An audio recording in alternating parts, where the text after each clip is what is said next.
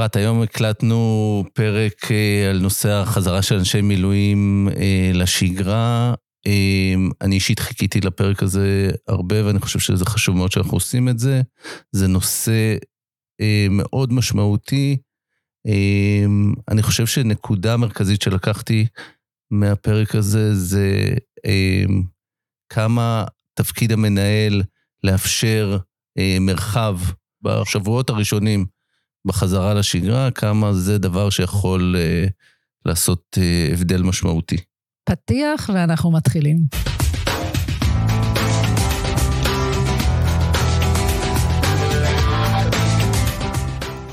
שלום לכולם, אנחנו בפרק חדש בפודקאסט יוצא מן הכללית. אני אפרת שכטר, מנהלת בית ספר לניהול ומנהיגות במחלקת למידה ופיתוח מנהלים, ואיתי אורי טורקניץ, מנהל המחלקה לפיתוח ארגונים. אנחנו שמחים לארח היום את שרית אלפיה דימנט, פסיכולוגית ארגונית, מומחית בפיתוח מנהיגות וחוסן, שעד לפני מספר חודשים שימשה כמפקדת בית ספר למנהיגות של צה"ל. ברוכה הבאה ליוצא מן הכללית, ותודה שבאת לדבר איתנו. אנחנו ביקשנו לדבר איתך על שובם של המילואימניקים מהמלחמה לעבודה, ועל התפקיד שלנו, המנהלים, אה, לקבל אותם.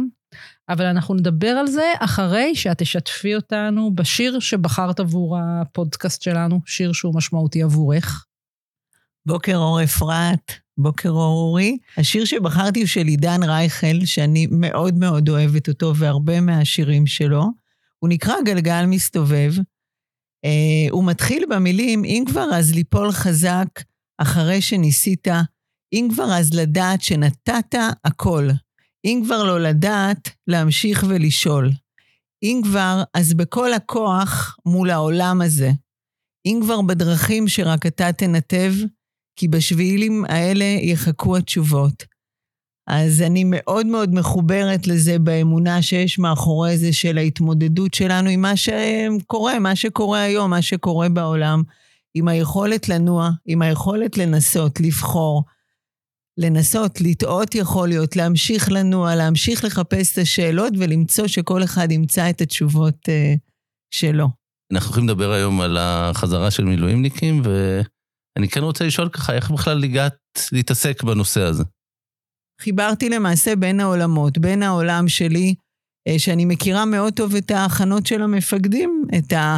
מה קורה לפני, איך בונים את החוסן שלהם, מה קורה תוך כדי, מה קורה אחרי. אה, כל העולם של החוסן הוא עולם מאוד מאוד משמעותי כמשהו שהוא יכול לתמוך. במקביל אני גם מטפלת אה, CBT, והטיפול, ההבנה מה קורה בקליניקה, מה קורה לאנשים, מה ההתמודדויות, החיבור למעשה בין העולמות האלה. אה, הרגשתי שזה גדול ממני, אני ממש חייבת להשפיע. גם הייתי בנקודה ההיא בלי התפקיד הפורמלי. אז זה מאוד מאוד עזר לי לראות את ה...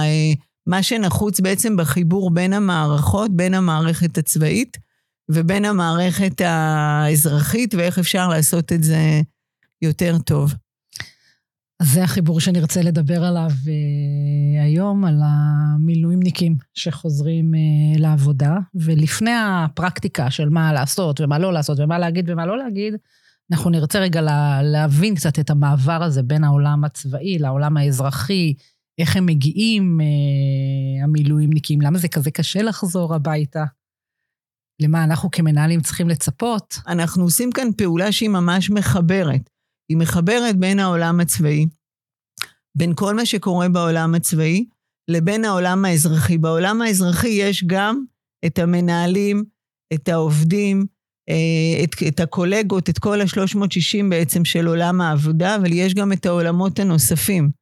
שלי בבית, אה, של בת הזוג שלי, של הילדים שלי. בעצם אנחנו עושים כאן חיבורים, וזו נקודה מאוד משמעותית לראות את ההתפתחות שלנו בעצם ב, ב, בארץ, במדינה, בתחום הזה, במקצוע שלנו, בתפקיד הזה, שאנחנו נותנים את הדגש על הניהול של המעבר.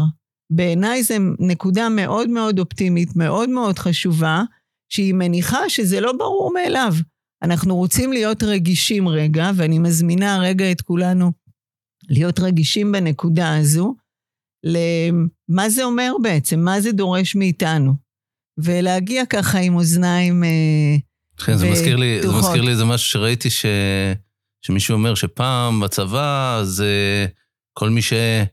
כאילו להיות אה, איש מילואים, איש צבא, אתה צריך להיות אה, קשיח וחזק, ושום דבר לא נוגע בך. ופתאום עכשיו אה, יש איזו לגיטימציה שהתפתחה בחברה, אולי בצבא, שנותנת אה, את האפשרות הזאת, את ה... יש איזו נכונות לשמוע את הדברים האלה. אורי, זה ממש ממש מדויק, כי אני אגיד שהמאמצים גם של מערך מדעי התנהגות וגם של אה, מערך ברען ושל המפקדים עצמם ושל המפקדים שמובילים למעשה, זה בהתבוננות על החוסן לא רק דרך המרכיב של האיתנות הפיזית, אלא ממש דרך המחשבה על האיתנות הנפשית והאיתנות המנטלית, ואנחנו ממש עכשיו ככה נצלול אה, פנימה לתוך הדברים האלה, כשנגיד בעצם כל מנהל, כשהוא נכנס בעצם לתפקיד, הוא עושה אבחון.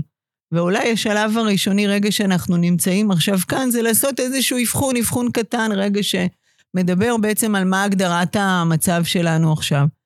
בהגדרת המצב אנחנו נדבר גם על ההקשר, גם על ההקשר החיצוני, והיום אנחנו ממש מקליטים את הפרק, זה היממה 139, אנחנו ארבעה וחצי חודשים לתוך או שבוע 20, כשבעצם כולנו נמצאים בתוך האירוע הזה. זה אומר שכבר עברה כברת אה, דרך מאחורינו, אבל אין לנו ידיעה קדימה, אין לנו ידיעה עוד כמה זמן. יש איזה סימן שאלה שמרחב באוויר, כן זירה צפונית, לא זירה צפונית. אה, מעמיקים בעזה, מה קורה עם החטופים, יש המון המון נקודות שאנחנו לא יודעים עוד כמה זמן אנחנו נידרש בעצם לתוך הדבר הזה. אנחנו נכנסים לתוך 2024, בדרך כלל ב... בכל ארגון בשלב הזה מדברים תוכניות שנת עבודה, איך התוכניות נראות, מה אנחנו רוצים לעשות, ובעצם אנחנו כולנו בתוך סיטואציה. ודאות. אה, שהוודאות היחידה שזה כאן, ואנחנו צריכים לדעת בעצם למצוא את המשאבים שלנו להתמודד עם זה. אנחנו כאן כדי לדעת ולחשוב איך מנהלים את המעבר הזה. ובמובן הזה, הטלטלה הנפשית, גם של המראות הקשים, גם של אה, הערעור של האמונות, של היסוד, בביטחון, באמון בבני אדם, אפילו מחשבות פוליטיות, בלי שאנחנו ניכנס לתוך זה, המון דברים התערערו בעצם בנקודה הזו. אם אני משתמשת במטאפורה של לשים נעלי ריצה ולצאת בעצם לרוץ לאיזושהי ריצת מרתון, אנחנו לא יודעים מה, מה הקצה של זה. אז אנחנו כאן כדי לעזור בעצם להבין את המשמעויות האלה, והמשמעות הראשונה היא המשמעות הפנימית, שכל אחד צריך להבין מה המשאבים שלו, איך הוא נמצא כרגע, ב, כרגע ממש היום, בתוך נקודת הזמן הזו, כמה אחוז יש לו בסוללה, אם עכשיו הסוללה שלנו הייתה ריקה, היינו מתחברים והיינו מתאינים אותה. אז גם אני עכשיו כמנהל, איפה הצומת הזו פוגשת אותי עכשיו, בנקודה הזו, כשאני מקשיב לפודקאסט? אה, אני משערת שבכללית בעצם אה, המשיכו לתת כל הזמן אה, מענה, כי יש את הלקוחות ויש את הצרכים, ובכלל יש משמעות מאוד מאוד מאוד גדולה. ומתוך זה, בהקשר הזה, אנחנו כל הזמן ממשיכים לפעול. הארגון לא מפסיק לפעול, הארגון ממשיך כל התקופה הזו לתת את המענה שהוא צריך, ובעצם המילואימניקים יצאו, המילואימניקים חוזרים, ויכול להיות שהמילואימניקים שוב יצאו. זאת אומרת, אנחנו נמצאים בנקודה שהיא לא חד פעמית, אנחנו לא מנהלים עכשיו שיחה חד פעמית, אלא אנחנו בעצם מדברים על תקופה שהיא תהיה מאופיינת בעצם ביציאות ובכניסות האלה. איך מתמודדים עם המעבר הזה? הרגשתי שתיארת חוויה שהיא קולקטיבית, כאילו כולנו נמצאים בקלחת הזאת של האי-ודאות ושל ה... אה, במצב שאנחנו לא יודעים, אנחנו יודעים מאיפה אנחנו באים, אנחנו לא יודעים לאן ומה ייפתח וכולי. אבל אני רוצה רגע שנשים זרקור על נקודת המבט של המילואימניק, מאיפה הוא חוזר, ואז ננסה לדבר על המנהל, ואז ננסה להפגיש את זה אולי ככה. מעולה. זה... אז דיברנו בעצם על ההקשר החיצוני, ועכשיו אנחנו בהקשר הממש ספציפי של המילואימניק עצמו. הם בעצם יצאו להגן על הבית, והם נמצאים שם, אה, בין אם זה בגזרה הצפונית ובין אם זה בעזה, ומתמודדים למעשה אה, על, על השליחות הזו, על הצדקה של הדרך, על האמונה שהם מגנים למעשה על הבית, והם אה, חשים תחושות של משמעות מאוד מאוד מאוד מאוד גדולות. ומה שקורה לאדם בתוך הדבר הזה, שהוא יוצא מתוך עצמו, כי הוא בעצם חלק מקבוצה, הוא שייך, בעצם הביטוי הזה, אחים לנשק, אחים שלי, אח שלי, הם בעצם, הלכידות שלהם היא לכידות מאוד גבוהה. כל אחד מהם שייך למחלקה ספציפית, לצוות ספציפי, לגדוד ספציפי. התחושת השייכות הזו היא מאפיינים רגשיים מאוד מאוד עזים, כי כולם בעצם נמצאים במאפיין של סכנת חיים, וגם אם אין סכנת חיים, עדיין יש משימה משותפת עם אה, משמעות מאוד מאוד גדולה של החזרת החטופים הביתה והגנה על הבית. בעצם הפעולה הזו היא מתקיימת בתוך אה, מרחב שאני כל הזמן נמצא בפוקוס, אני כל הזמן נמצא בדריכות, אני כל הזמן חושב איך אני יכול לממש יותר טוב את מה שאני עושה, איך אני מצליח אה, אה, להשיג בעצם את תוצאות המלחמה במשימות הספציפיות שקיבלתי. והמחשבה הזו, עם הסיכון חיים ועם הדריכות הזו, מובילה אותם להיות כל הזמן, אנחנו מכירים את המערכת הפיזיולוגית של הגוף, בעצם בדריכות הזו, אה, באדרנלין הזה, והאדרנלין הזה הוא גם משהו שהוא מאוד מאוד מחבר. אה, כל הדברים האלה ביחד נותנים תחושות של ערך מאוד מאוד מאוד גדולות. ערך שכמעט לא ניתן אה, להשוות אותו לדברים שמתקיימים בשגרה שלנו, כי אנחנו נמצאים בעצם במצב שהוא קיצוני, במצב שהוא אה, לא נורמלי. למרות שהם מתכוננים לזה וזה התפקיד שלהם וזה מה שהם אמורים לעשות, כל המערכת הזו מייצרת חיבור רגשי מאוד מאוד מאוד גדול וחיבור מנטלי מאוד גדול. אני כן רוצה להגיד, לצד המרכיבים האלה, שבעצם יכול להיות שאותם כוחות, לצד הדריכות הזו, המאוד אה, משמעותית, אה, יכול להיות שהם חוו מראות קשים, יכול להיות שהם איבדו חברים, יכול להיות שכשאתה נמצא במשימה ואיבדת עכשיו חברים, לא הספקת, לא הספקת לאבד. לאבד את זה. כן, לא הספקת להיות עצוב, לא הספקת... המשכת הלאה למשימה הבאה, אמרת, אני אצא, אני אגיע, אני אבקר, אני אלך לקבר, אני אראה, אבל יש משהו שהדריכות הזו היא ממש להיות אה, מפוקס כרגע בתוך, בתוך הפעולה. אה, יש אה, את הנקודה המשמעותית בעצם של האינטנסיביות הזו שמתקיימת שם, שהיא בצירוף התנאים של מה זה אומר עכשיו להיות מחוץ לבית, אה, כולנו רואים, כן? אנחנו, יש לנו את התמונות בראש, אנחנו רואים את האבק שיש, אנחנו רואים את ההריסות. הנוף זה לא הנוף הירוק ככה כמו שאנחנו נמצאים פה מחוץ אה, לבניין, אלא תמונות שאני חי, אני נושם אבק, אני ישן, לא ישן, אני, הצרכים הבסיסיים, איפה אני מקיים אותם. כל הפעולה בעצם היא פעולה אה, של לחיות ולהיות בתוך זירה של, אה, של לחימה, של מלחמה. אה, ואני בעצם, גם אם אנחנו מדברים על הנקודה של איך הם מגיעים, הם פתאום חוזרים לאיזושהי ציוויליזציה, לאיזשהו מקום שיש בו שירותים, שיש בו מיטה, שיש בו מים חמים במקלחת, שאתה יכול רגע להתקלח בשקט ולא להיות רגע דרוך למה שקורה, אתה חולץ את הנעליים, אה, אתה יכול לטפל באור, המון המון דברים שהם מאוד אה, בסיסיים, בלי שאני נכנסת לתיאורים אה, קשים מדי, אבל שהם מהווים בעצם איזשהו גורם של, של משמעותי בהיבטים המנטליים, גם של ההסתגלות שהם צריכים לעשות וגם של ניהול המעברים. יש עוד נקודה שהיא משמעותית בעצם, ו... בגינה אנחנו גם כאן, בעצם במתח שיש בין הזהויות שלהם. בעצם יש את הזהות שלהם עכשיו.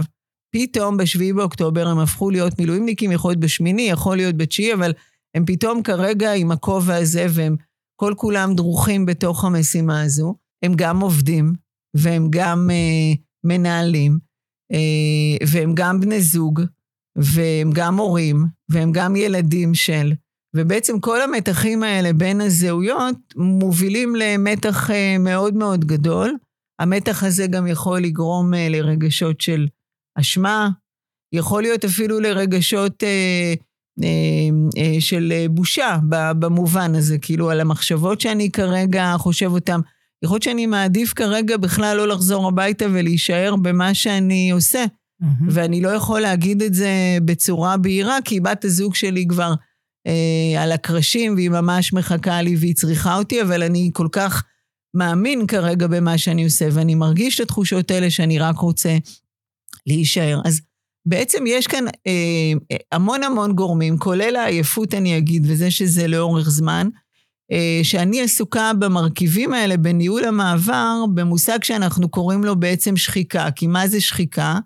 זה להיות נתון לכל הגורמי לחץ האלה שתיארתי אותם אה, קודם, ולהרגיש את התשישות הזו, להרגיש את התשישות הקוגניטיבית, להרגיש את התשישות הפיזית. אה, וכשאני חושבת בעצם על הניהול הזה של המעבר, אז הייתי רוצה שהמנהלים ידעו לשים לב לסימנים האלה של, ה, של התשישות. אני בדיוק רציתי לשאול, שאז עם כל החבילה הזו, הרגשית, הקוגנטיבית, הפיזית שתיארת, הם חוזרים למקומות עבודה והם פוגשים אותנו המנהלים, ואנחנו בעצם מצופים לקלוט אותם ולדעת מה לעשות עם זה.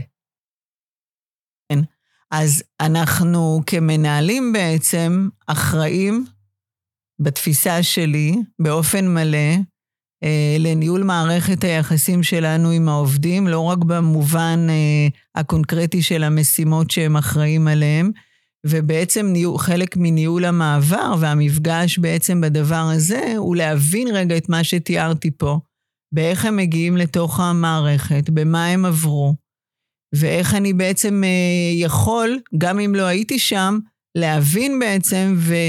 מה אני עושה עם ההבנה הזו ואיך אני פועל אה, בתוכה, באיזה אופן, מעבר רק לנקודה שהם חזרו, באיזה אופן ניהלתי איתם את הקשר עד עכשיו. כמה ראיתי בעצם אותם, גם כשהם לא היו פיזית בתוך mm-hmm. המקום עבודה, כחלק אה, אינטגרלי ממה שקורה, גם כשהם שם. כשאת... כמה הם הבינו שאני חושב עליהם, או אני חושבת עליהם, אנחנו מדברים בלשון זכר, אבל הרבה מנהלות ככה, אה, כמובן, אה, ש, ש, שנתתי את הדעת בעצם על הסיטואציה הזו. אני, כשאני שומע את הרעיון הזה של ניהול המעבר וכל מה שתיארת, כאילו המטאפורה שיש לי זה של מכונית שנוסעת ב-200 קמ"ש. כאילו החוויה הזאת שאני מציל את המולדת, ואני נמצא בשיא הזה אל מול באמת תחושת חוסר אונים ש, שיש הרבה פעמים לכולנו סביב המצב הזה, ואתה נמצא בשיא ה... שיא האקשן, שיא האקשן. אני כן אגיד שאולי בארגון שלנו יש משהו שהוא ייחודי, כי הרבה פעמים אני שומע את זה אצלנו, את הצוותים, שבית החולים הוא אי של אה, שפיות בתוך המציאות הזאת, כי אתה בא ואתה מתפקד ואתה עושה את העבודה, ובמובן הזה יש אולי משהו דומה. אבל עדיין, ה-200 קמ"ש הזה, ואז לחזור ולהירגע, אני פתאום, המטאפורה שהייתה לי זה שהמנהל אולי הוא ה... כאילו צריך להיות כמו המצנח הזה שעוזר לחזרה הזאת להיות, להצליח להגיע מ-200 קמ"ש למשהו יותר אה, שפוי, בצורה יותר אה, מתונה. אז המנהל בעצם עוזר לעשות את החיבור המשמעותי בין הכניסה לתוך המערכת והיכולת להיות בתוך המערכת, והוא כל הזמן נמצא על הניהול של המעברים, אבל אני שוב רוצה להזמין רגע את המנהלים לשאול את עצמם איזה מנהלים הם רוצים שהמילואימניקים יפגשו, שכל אחד ישאל את עצמו איזה מנהל הוא רוצה שהעובד שלו יפגוש, איזו הוויה. והנקודה הזו בעיניי היא מאוד מאוד משמעותית, גם בהבנה שאנחנו מנהלים כאן את מערכת היחסים, והתשובה לשאלה הזו היא בעצם היא התשובה שהמילואימניק ייתן אותה. הוא זה שיגדיר מה הוא מרגיש, איך הוא חווה בעצם את המנהל שלו. מי שחוזר למיל... מהמילואים לכל מקום ב... במשק, זה אולי זווית אחת, אבל יש משהו בארגון שלנו, שהרבה פעמים החזרה היא לתפקיד שהוא משמעותי מאוד. ויש איזה דמיון בין התחושות המשמעות בשתי הזהויות, מישהו רופא בבית חולים ורופא גדודי, אמ, אחות, אח, אה, הרבה פעמים אנשים מתארים את בית החולים כ, כמקום של שפיות בתוך חוסר האונים הכללי שיש לכולנו.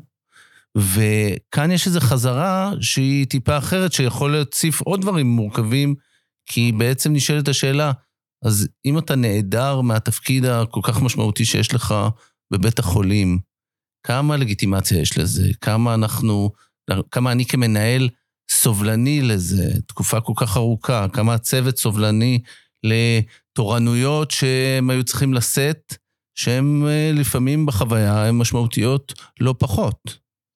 אז הסוגיה של המשמעות היא באמת משותפת, כי בבית אה, חולים או במרפאות יש ערך מאוד אה, משמעותי לעשייה. מהזווית של המנהל, הוא קשה לו לראות את ההבדל, שיכול להיות שאם אתה תשאל את המילואימניק, הוא כן יצביע על הבדל בתחושה שלו. וכשאנחנו אה, שואלים בעצם את המנהלים, מה שאנחנו נרגיש זה את הדי כבר, אני סוחב רגע, אני מנהל את המאמץ הזה, זה לאורך זמן. יכול להיות שבהתחלה הייתי ממש בעד וחשבתי שזה חשוב, אבל עכשיו אה, איבדתי כבר את הסבלנות, את המכל שלי, אני צריך אותך רגע כאן.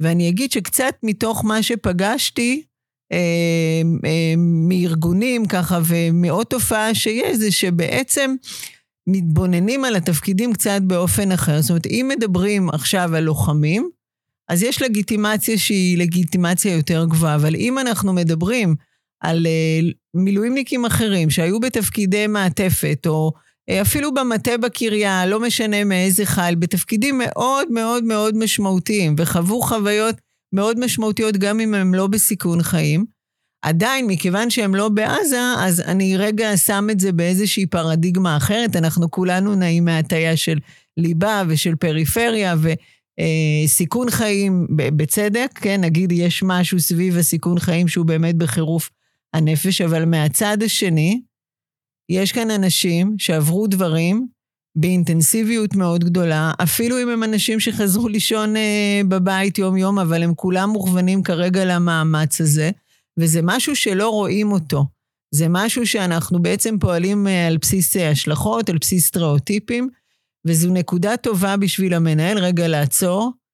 אה, אם אלה המחשבות ואלה התחושות שהוא מרגיש, אז בוודאי שזה חשוב לפני שהמילואימניק חוזר, כי אתה כבר רואה שאתה חסר סבלנות, ואתה מנהל איתו בעצם מערכת של קשרים שהיא הרבה מעבר ואתה רוצה להגיע לנקודות אחרות, כי היום כשעובדים עובדים, הם אה, מתבוננים בדיוק על הנקודות האלה, מתבוננים באיזה אופן אני חשוב עכשיו, באיזה אופן רואים אותי עכשיו. זה לא משנה איפה הייתי, באיזה אופן אתה, המנהל, מבין אותי עכשיו, מבין את הצרכים שלי.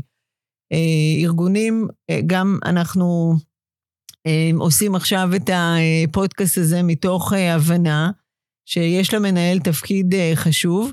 כי החיבור של העובדים לארגון הוא חיבור שהוא לאורך זמן, הוא לא רק על הנקודה של המעבר עצמו, היא גם נקודה משמעותית. אנחנו בעצם היינו רוצים לחזק כל הזמן את ההתבוננות, מה הצ... הצרכים בעצם של, ה... של העובד שלי, ואני לא תמיד יכול לראות את זה. ואיך שנתנהג עכשיו, זה גם ישפיע על היחסים בטווח הארוך בהקשר הזה. כן, ועל החיבור לארגון, על ההחלטה להישאר כאן, לא לעבור. אה, למקום אחר. הרגישות אה. הזו היא ממש משמעותית. אז אנחנו בשלים לעבור לפרקטיקה. אה, ממש טיפים, עשה, אל תעשה, גם בהיבטים המשימתיים וגם בהיבטים הרגשיים. מה מותר לשאול, מה כדאי לשאול, כמה לחפור על מה שהיה. בואי ננסה לתת מענה לזווית הזו. אז אנחנו נדבר ככה בהיבטים הכלליים, בנקודות שמתאימות בעשה ותשתדל לא לעשות ככה כלליים. נגיד לפני כן שכל אחד בעצם יש לו צרכים שונים, האנשים הם שונים, ולכן התפקיד של המנהל הוא לתת מענה שונה ואחר. אז הדבר הראשון הוא בעצם לתת את המרחב. מה זה בעצם המתן מרחב, המתן של הספייס הזה? כי אם דמיינו קודם את המעבר הזה, זה לא מיד ממשיך. יש כאן רציפויות שונות שאני אמור אה, לעבור ולעשות אותן, להסתגל אליהן. ואם תיארנו קודם שהם היו בתוך אה, קבוצה ולא היה להם לרגע זמן פנוי משלהם, והם כל כולם היו שאובים לתוך דברים אחרים, רגע, הספייס הזה הוא למה שהאדם מגדיר שהוא צריך, אני לא מיד מגיע, לא מיד מופיע עם רשימת הדרישות והמשימות, ויכול להיות שנדרש עוד זמן אה, בבית, או זמן לסידורים אחרים, או איזושהי תקופה שהיא רגע, אני לא מיד מופיע עכשיו למשמרת ונמצא בשיבוץ התורנות ובשיבוץ העבודה. אה, וזו נקודה שהיא קשה, כי מה בעצם אני מבקשת מכם המנהלים? עוד, עוד רגע, עוד, עוד פאוזה, עוד עצירה. זה הפוך למה שקודם ככה אה, דיברנו עליו. כן, נחיתה רכה. הדבר השני בעצם, אה, זה הקשבה. הקשבה ונוכחות פיזית. עכשיו, כאן זה קצת אה, tricky, כי מהניסיון שלי אנחנו לא כל כך יודעים להקשיב. אנחנו יודעים אה, לשמוע, ואנחנו יודעים להגיד את מה שאנחנו רוצים. ובעצם יש כאן שיחה שלמה על מהי הקשבה כמיומנות ניהולית, אבל בנקודה הזו זה משמעותי, כי בעצם אם בדרך כלל אנחנו מעודדים את המנהל ללמוד לשאול שאלות, להיות סקרן כלפי העובד שלו, יש משהו כאן שהוא רגע בהקשבה שקטה. הוא מגיע דרך הנוכחות הפיזית, הוא מגיע דרך מבט העיניים, הוא מגיע דרך זה שאני כאן נמצא איתך, הוא מגיע דרך זה שאני, כשאתה מגיע אני קובע זמן, שהוא זמן, שאני מפנה אותו ואני יושב איתך. אבל אני לא שואל שם הרבה מאוד uh, שאלות. אני לא נכנס לשאלות שהן מורכבות מדי. אני אגיד שבכלל מילואימניקים כבר קשה להם ששואלים אותם כל הזמן, מה שלומך, מה שלומך, איך uh, זה, מה... יש את המערכונים האלה, נכון? עכשיו שאנחנו רואים אותם, ככה כולם uh, עוטפים אותם, ובנקודה הזו, היכולת רגע לדעת שאני מתמקד בזמן הווה ובזמן קדימה. אני פחות נמצא בשאלות של מה היה ומה חווית ומה עברת. אני אגיד שגם כשאנחנו עושים את העיבודים, אנחנו אה, עושים אותם מאוד מאוד בצורה אה, מדויקת, כדי לא להציף, וזה שונה ממה שפעם חשבו בעבר.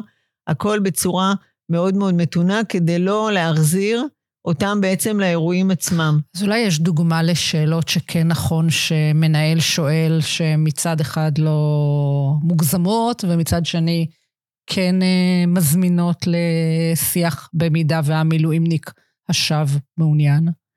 אז אני חושבת שכל שאלה שבעצם יכולה לשים את המנהל במקום של עוזר בעצם לנהל את המעבר הזה, היא טובה. ממש לשאול במה אני יכול לעזור כרגע.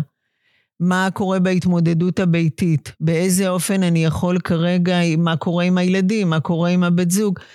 להבין רגע משהו קצת יותר לגבי ההתמודדות עכשיו, בחזרה, ובמה אני יכול לעזור. אולי גם איך אתה חשבת לחזור לתפקיד. מעולה, כלומר, איזה מעולה, משהו כזה שנדבר על העבודה. מעולה, כן. משהו שבעצם גם יכול להתייחס לעבודה, אבל עושה איזושהי בחינה ואיזושהי בדיקה ואיזושהי אה, התאמה. מאפשר לו לסמן לנו מה מתאים לו ומה פחות. כן. ועוזר לנו רגע אה, לתת לו את התחושה שהוא יכול אה, להגיד את זה בקול רם, שזה בסדר להגיד את זה רגע אה, בקול רם, שאני עסוק ב- ב- בלהבין את זה. אה, אה, אז השאלות בכיווניות הזו של במה אני יכול אה, לעזור אה, כרגע, mm-hmm. הן שאלות שמאוד טובות, הן מאוד אה, מחברות. ואני אגיד שיש אנשים שחוזרים והם מדברים הרבה, הם רוצים לשתף, ויש אנשים אחרים שכרגע זקוקים אה, לשקט שלהם. אה, אמרתי, האנשים הם אה, שונים, אה, אז אנחנו צריכים להבין רגע ולזהות מה הצרכים של כל אחד, מה מתאים לכל אחד, באיזה אופן. אז לפעמים לא לשאול את השאלות, אלא רק להיות נוכח שם, אה, ולהתמקד בדברים אה, אחרים שמקדמים, גם אה, שכן קשורים לעבודה, אבל הם מקדמים קדימה, יכול לעשות ולסייע בניהול, ה, בניהול המעבר. יש סוג של משימות או סוג של מהלכים שנכון לתת בשלב הזה, או כאילו, אם נגיד ממש ללכת לפרקטיקה, דברים ארוכי טווח, קצרי טווח. אז בהיבט המשימתי חשוב להיות מאוד ממוקדים. חשוב אה, לפרק את המשימות. חלק מהסימנים שאנחנו יכולים לראות זה בעצם בעומס הקוגניטיבי, בזה שיש אה, סימנים של חוסר ריכוז, של קושי לשאת רגע כמה מטלות ביחד. אז בעצם אנחנו מפרקים, אנחנו מתבוננים דרך הטווח הקצר, אנחנו ממש מפרקים את המשימות. אנחנו מאוד מאוד אה, גמישים, אנחנו יכולים להיות גמישים גם בהיבטים של לוחות הזמנים, מתי עושים את הדברים האלה במינונים. יכול להיות שיש כאן פרדיגמות שקצת צריך לשנות אותם מהמשמרת אה, הקבועה שבתוכה אני נמצא, לרגע בוא נראה בתוך הדבר הזה מה אני כן יכול לעשות, מה אני פחות יכול לעשות, שוב, גם בשיח ובתיאום עם העובדים עצמם. יש משהו בהיבט המשימתי גם בלתכנן קדימה, בשלבים השונים. זאת אומרת, לראות עכשיו, כרגע, היום את זה, השבוע את זה, שבוע הבא משהו אחר, הבחינה כל שבוע רגע שמשתנה רגע בהתאמה. אה, אז בהיבט המשימתי, הכלל הוא בעצם להיות מאוד ספציפיים, מאוד ממוקדים ובפירוק של הדברים עם גמישות. אבל אני רוצה לחזור רגע היבטים שהם לא רק בצד המשימתי, כי בעיניי הם מאוד משמעותיים. אמ, ויש משהו בנקודה של הלגיטימציה בעצם לשלב הזה, וחלק מהשאלות ששאלת אותי קודם, אה, קשורות לכמה לגיטימציה באמת באמת יש. כמה אני באמת מבין גם אם בכללית יש ביטחון תעסוקתי והאנשים לא חושבים אם יפטרו אותם או לא יפטרו אותם, שזו התקדמות אה, משמעותית לדעת שיש ביטחון תעסוקתי, עדיין כמה לגיטימציה אני מרגיש. ואני אגיד שמהניסיון שלי, לא משנה מה המנהל אומר, מה הוא מצהיר, אלא בעצם מה קורה בפועל. האם באמת יש לגיטימציה, או שאני מקבל את ההודעות האלה, או את התחושה הזו, ו- ואני אני כעובד מרגיש אה, מכווץ מול הדבר הזה? אני, אני חושב שיש אפילו עוד זווית, שככה אולי שווה להתייחס אליה, זה שבסוף המנהל, הרבה פעמים מנהל צוות, שהצוות היה נוכח אה, בעבודה, בזמן שאיש המילואים לא היה. וגם לצוות הלכו ונצברו כל מיני תחושות לגבי העניין הזה, ואז מה תפקיד המנהל בניהול התחושות של הצוות, גם של איש המילואים שחוזר לצוות וגם של הצוות שמקבל בחזרה, אחרי שנגמרת המוזיקה של, אה, אה, גם בשעות הקשות של הלילה. אז המנהל בעצם אמור להתחיל את כל התהליך עוד לפני החזרה של המילואימניק. אה, הוא אמור בעצם גם אם יש עובדים אחרים שנשאו בנטל, להגיד, רגע, עכשיו הוא חוזר, בואו נחשוב רגע איך הוא חוזר, באיזה אופן היינו רוצים לקבל אותו, מה היינו רוצים... בעצם uh, אותן שאלות שהוא ל- שואל את עצמו, להביא את זה לצוות. לצוות, כן.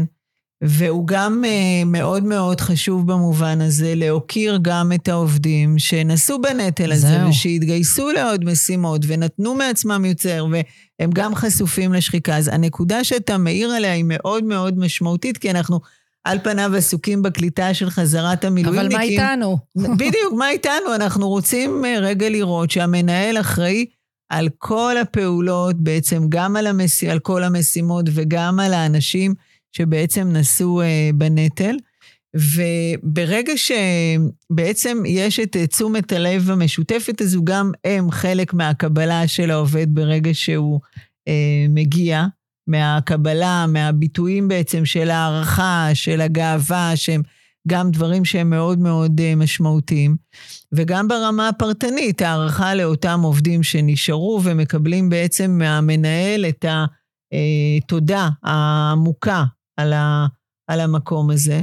וברגע שהעובד מגיע, אז יש בעיניי משמעות גם למרכיב הצוותי. זאת אומרת, מעבר לקבלת הפנים, והעוגה והקפה ורגע מה שמתקיים שם בתוך המרחב הזה, אה, גם בחיבור, בחיבור שלו למה שקורה, לעדכון, לסטטוס אה, של הדברים, גם להבין מאנשי הצוות האחרים מה קרה שם, לא רק דרך המנהל עצמו, כאילו, לייצר בחזרה את המבנה הזה של הצוות, את המבנה של המחלקה, אה, וגם את המקום שבעצם חשוב שאותו מילואימניק שחוזר, יגיע לאותם מופעים, יהיה חלק מהמופעים. לפעמים חלק מהגבישות זה רגע, עכשיו אני פחות, אה, אמרנו, לתת מרחב, אז איך אני מנהל את שני הדברים? אה, בו זמנית. אז אולי, באירועים... אולי גם לסמן ביחד עם איש המילואים שחוזר, מה המופעים שחשוב למנהל שם, ש, שלא יפספסו, שהם לא יפספסו, ומה חשוב גם לאיש המילואים. כלומר, יש כל מיני, כל יחידה יש לה את הטקסים הקטנים שלה, שהרבה פעמים אפשר לדלג על זה, ואולי אפילו בגלל ששני הצדדים רוצים ודאות, אז או שאתה במילואים או שאתה בעבודה, ועכשיו כשחוזרים לעבודה, אז יש טקסים שרוצים לחזור אליהם, וכדאי לסמן אותם ביחד. אז חשוב שהוא יהיה חלק, וחשוב במקביל לשאול אותו, וחשוב במקביל שזה יהיה של כל הצוות. זאת אומרת, שלושת הדברים אמורים להתקיים במקביל, ולהיות בתשומת לב, עם מה שדיברנו קודם, ביכולת רגע לאזן ולמנן את זה נכון. זאת אומרת, אם ניקח רגע ממש דוגמה קונקרטית, אז ביום הראשון אני קובע איתו אה, פגישה, ואני בעצם אה, ממש מפנה את הזמן, ואני יושב ואני איתו רגע בדברים. בתוך האיתו אני גם מעדכן אותו על מה שקורה. יש משהו שהוא צוותי, שהוא מתקיים, משהו שהוא טקסי, ויש את המשימות שפירקנו אותן. ואם נסתכל שבוע אה, אחרי זה, או בנקודת זמן בתוך אותו שבוע, יש שוב מפגש צוותי, ובמפגש הצוותי הזה, אנחנו מדברים רגע ביחד, כל אחד על המשימות שהתקיימו אה, ושצריכות להתקיים, גם עם הפנים לסטטוס העכשווי, גם עם הפנים, אה, עם הפנים קדימה. ואחרי עוד תקופה, אנחנו שוב פעם, זאת אומרת, אנחנו נכנסים לתוך ההסתגלות הזו של השגרה המחלקתית, השגרה הצוותית, כן? אז אני חושבת רגע על מנהל, שעובד שלו חזר ממילואים כבר לפני חודש, והוא מקשיב עכשיו לפודקאסט, והוא לא עשה את זה. ובעצם הוא לא ניהל את השיחה הזו בהתחלה, או שהוא לא עשה את המשהו הדרגתי. מאוחר מדי? יש משהו שאולי יהיה נכון שהוא עכשיו יעשה? בתפיסה שלי אף פעם לא מאוחר מדי. אה, זה עיקרון שמנחה אותי בכל אה, מקום, גם עם המנהלים שהיו אה, תחתיי. אנחנו אמרנו, אנחנו לומדים להיות מנהלים. ואנחנו משתדלים לעשות את הכי טוב, ואנחנו צריכים אה, לאחוז בכל הדברים. ובעצם יש הזדמנות עכשיו, ממש עכשיו, קודם כל לשבת ולחשוב רגע עם עצמי, ולהבין, כי זה הרבה פעמים יהיה קשור למשאבים שלי, לזה שלא הייתי פנוי, לזה שהייתי כרגע יותר מדי אולי במשימה. לרוב זה יהיה קשור למקומות האלה שאני מחזיק מאוד חזק את המשימה. ו, ויש לי את היכולת עכשיו, כן לקרוא לו לשיחה, וכן אה, לייצר את המקומות האלה ולהשקיע. זאת אומרת, אף פעם לא מאוחר, אם זה אותנטי. אני כן רוצה להגיד מילה באותנטיות, כי מנהל עכשיו שזה לא מתחבר לסגנון שלו, זה יהיה מאוד זר לאנשים שלו. והמטרה שלי תמיד כשאני מלווה מנהלים, שזה יהיה מחובר לאמונות שלהם ולמי שהם. אני מאמינה שמנהלים רוצים להיות מנהלים טובים יותר.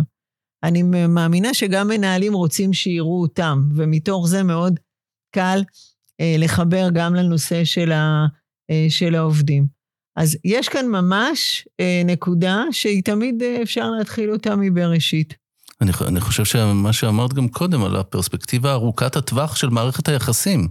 בסוף, אם מסתכלים על הנקודה הזאת כנקודת מעבר וחזרה לקשר וליחסים שהם יותר לאורך זמן, אז אם פספסת את החודש הראשון, בפרספקטיבה של להסתכל על זה עוד שנה, אם, גם אם אתה מתחיל מהיום, זה משהו ש, שיהיה יותר זכיר מאשר גם החודש ש, שלא היה קיים. גם אנחנו המנהלים צריכים חמלה עצמית, אה, ואף אחד לא היה מוכן לתהליכים האלה. אה, אני ממש מסכימה איתך, כי חלק מהלגיטימציה זה להיות בחמלה גם לעצמי, ולא לשפוט את עצמי גם כמנהל, כי אני ניסיתי לעשות הכי טוב שאני יכול בתוך אה, נקודת הזמן הנוכחית.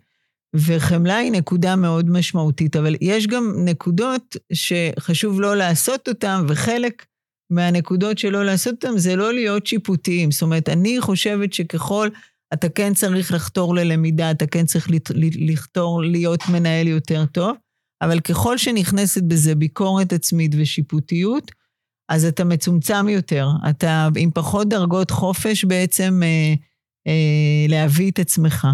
אז גם האותנטיות וגם היכולת אה, להיות בחמלה, בחמלה עצמית ולהתחיל ככה אה, ולהשקיע בזה, להשקיע בזה, זה מערכת יחסים שצריך אה, להשקיע בה.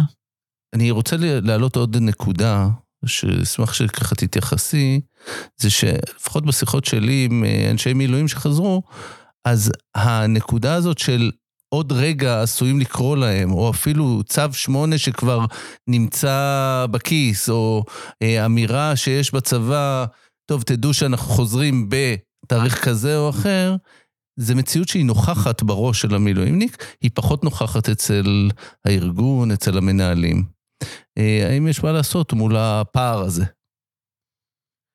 אז עכשיו מקשיבים לנו, אז אני חושבת שזה ייכנס ככה לתודעה של המנהלים. זה נמצא אצל המילואימניק בתודעה, וזה חלק מהגורמי לחץ שדיברתי עליהם קודם, כי בעצם הוא ייכנס, אבל עוד רגע הוא הולך, וכמה הוא מחובר, כמה הוא עם רגל בפנים, כמה הוא עם רגל בחוץ. אמרנו שכשאתה נמצא בשני מקומות זה צורך אנרגיה מאוד מאוד מורכבת. ואותו דבר אצל המנהל, אם אני יודע שהוא עוד רגע הולך, אז אני אשקיע בו, והרבה מקומות אה, שואלים את עצמם את השאלה בעצם שהיא חדשה לנו, אני בעצם יכול להסתדר אה, בלעדיו. יש כאן שאלות יותר אה, קשות שנשאלות בעצם, אם הוא בא והולך ולא רק חזר, כן, שראוי שנגיד אותם בעצם. אנחנו כאן באיזושהי אחריות של המנהלים, שהיא מעבר למשימות הספציפיות, בלהבין רגע שאנחנו אה, גם באחריות אה, ציבורית הרבה יותר רחבה למה שקורה ולמשמעות החשובה במילואים שמתקיימים. יש כאן החזקה של הגיונות שהם לא מחיי היומיום הקונקרטיים והמשימתיים, אלא רגע בלצאת חזרה לאמונה, שאני עושה כאן אה, את ההחזקה הזו בשם משהו שהוא יותר חשוב, ושזה האחריות שלי לנהל את זה גם כשהוא יצא וגם כשהוא יחזור, וגם כשכבר אין לי כוח, כן? זו נקודה נורא מעניינת, בגלל שאם מדברים... המחויבות, המחויבות שלי בעצם, שלי כמנהל, לעובד שלי, גם כשכרגע הוא לא נוכח אה, פיזית באופן אה, מלא. כאילו את יוצקת אה, משמעות לתפקיד המנהל באשר היותו מנהל בתוך הסיטואציה הלאומית שאנחנו נמצאים בה. אני חושבת שאנחנו בתוך סיטואציה לאומית מורכבת, שכולנו, כל הארגונים במשק, רוצים להחזיק גם את הכלכלה, גם את החיים במדינה, גם את ההבנה שאנחנו בונים לעצמנו את מה המדינה שלנו ביום אה, אחרי, וגם את ההבנה הקיומית הזו. ומתוך זה, מתוך הערכים היותר אה, גבוהים, אז אני חושבת שכשאתה בתפקיד של מנהל, יש כאן בהחלט אה, שליחות יותר גדולה בלהחזיק עוד משהו שהוא יותר רחב, רק מהמשימה הספציפית שבתוכה אתה נמצא.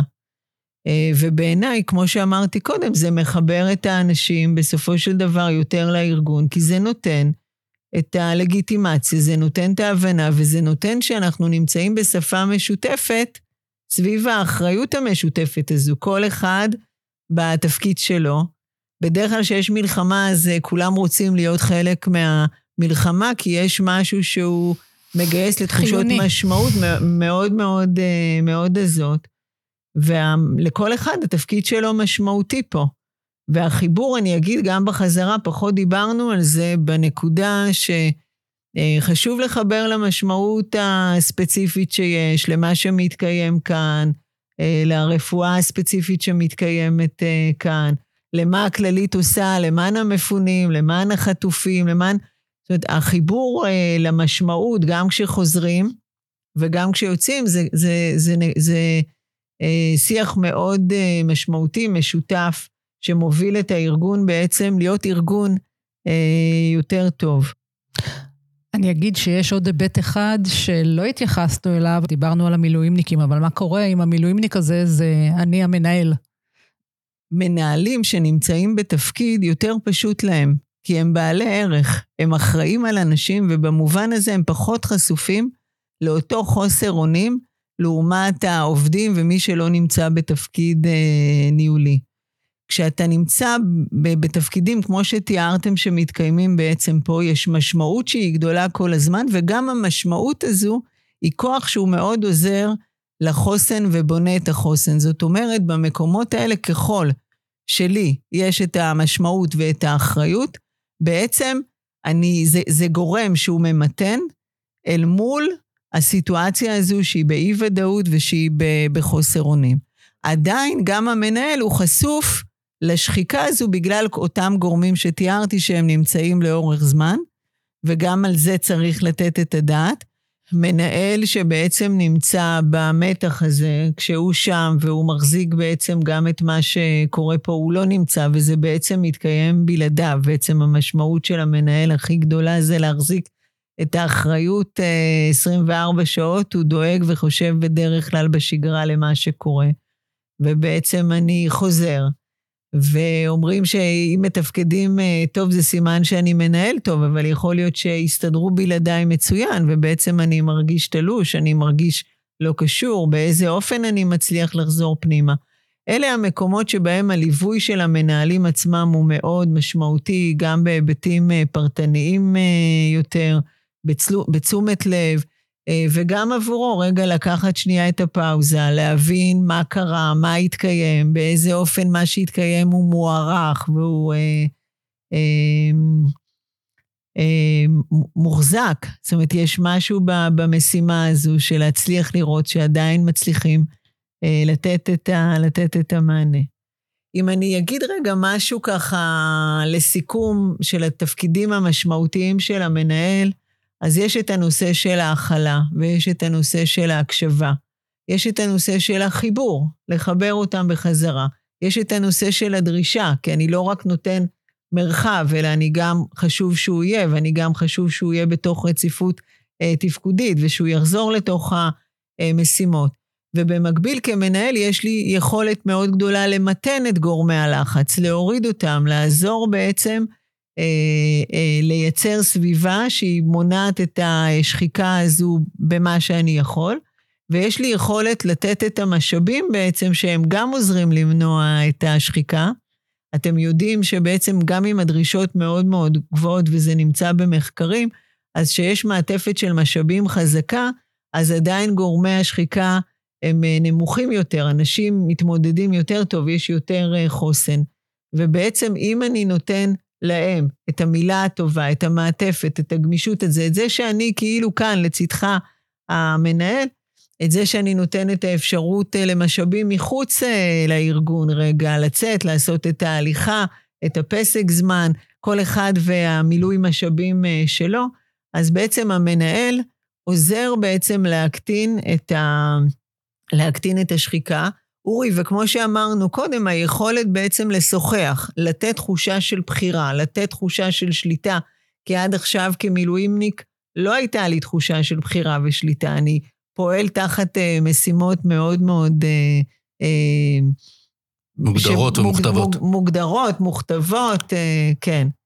אז יש משהו ביכולת הזו שהיא ביחד מייצרת חזרה איזושהי שליטה במצב, איזשהו ניהול של המעבר, שזו המטרה שלנו, שהניהול בעצם של המעבר יחזק בסופו של דבר גם את הפרט המילואימניק, גם את, ה, היחסים. את היחסים בין המנהל, גם את כל הצוות אה, כולו, ואנחנו נרגיש בעצם שהנה, התמודדנו, כמו בשיר שאמרתי קודם, התמודדנו עם מה שה... העולם כרגע אה, זימן לנו בצורה שהיא אה, מיטבית, שהיא הוציאה מעצמנו את הדברים החזקים שלנו. מרתק. שרית, אלפי הדימנט, תודה שהתארחת אצלנו לשיחה על הנושא הכל כך חשוב הזה. אני אישית חיכיתי לשיחה הזאת ואני יוצא עם הרבה מאוד תובנות. זה נושא שמעסיק מאוד uh, מנהלים אצלנו. אז תודה לכם, מנהלים ומנהלות שמקשיבים לנו. אה, אנחנו מזמינים אתכם כרגיל לכתוב לנו ולשתף אותנו אם הפרק נגע בכם, אם יש נושאים נוספים שמעסיקים אתכם, שתרצו שנקדיש להם את השיחות הבאות. נשתמע בעוד שלושה שבועות, נקווה לבשורות טובות. להתראות. ביי. אם כבר אז ליפול חזק אחרי שניסית, ואם כבר אז לדעת שנתת הכל. כבר לא לדעת להמשיך ולשאול אם כבר אז בכל הכוח מול העולם הזה אם כבר בדרכים שרק אתה תנתב, כי בשבילים האלה יחכו התשובות. תשכח הכל זה כמו גלגל מסתובב, על כל אחד שעולה יש אחד שיורד, לא להביט אחור, ללכת לא לעצור. אולי תפגוש אחת, תרצה לתת לה הכל, תמצא אצלה תשובות, תדע את כל הסודות, וכשתלכו ביחד אז הזמן יעצור.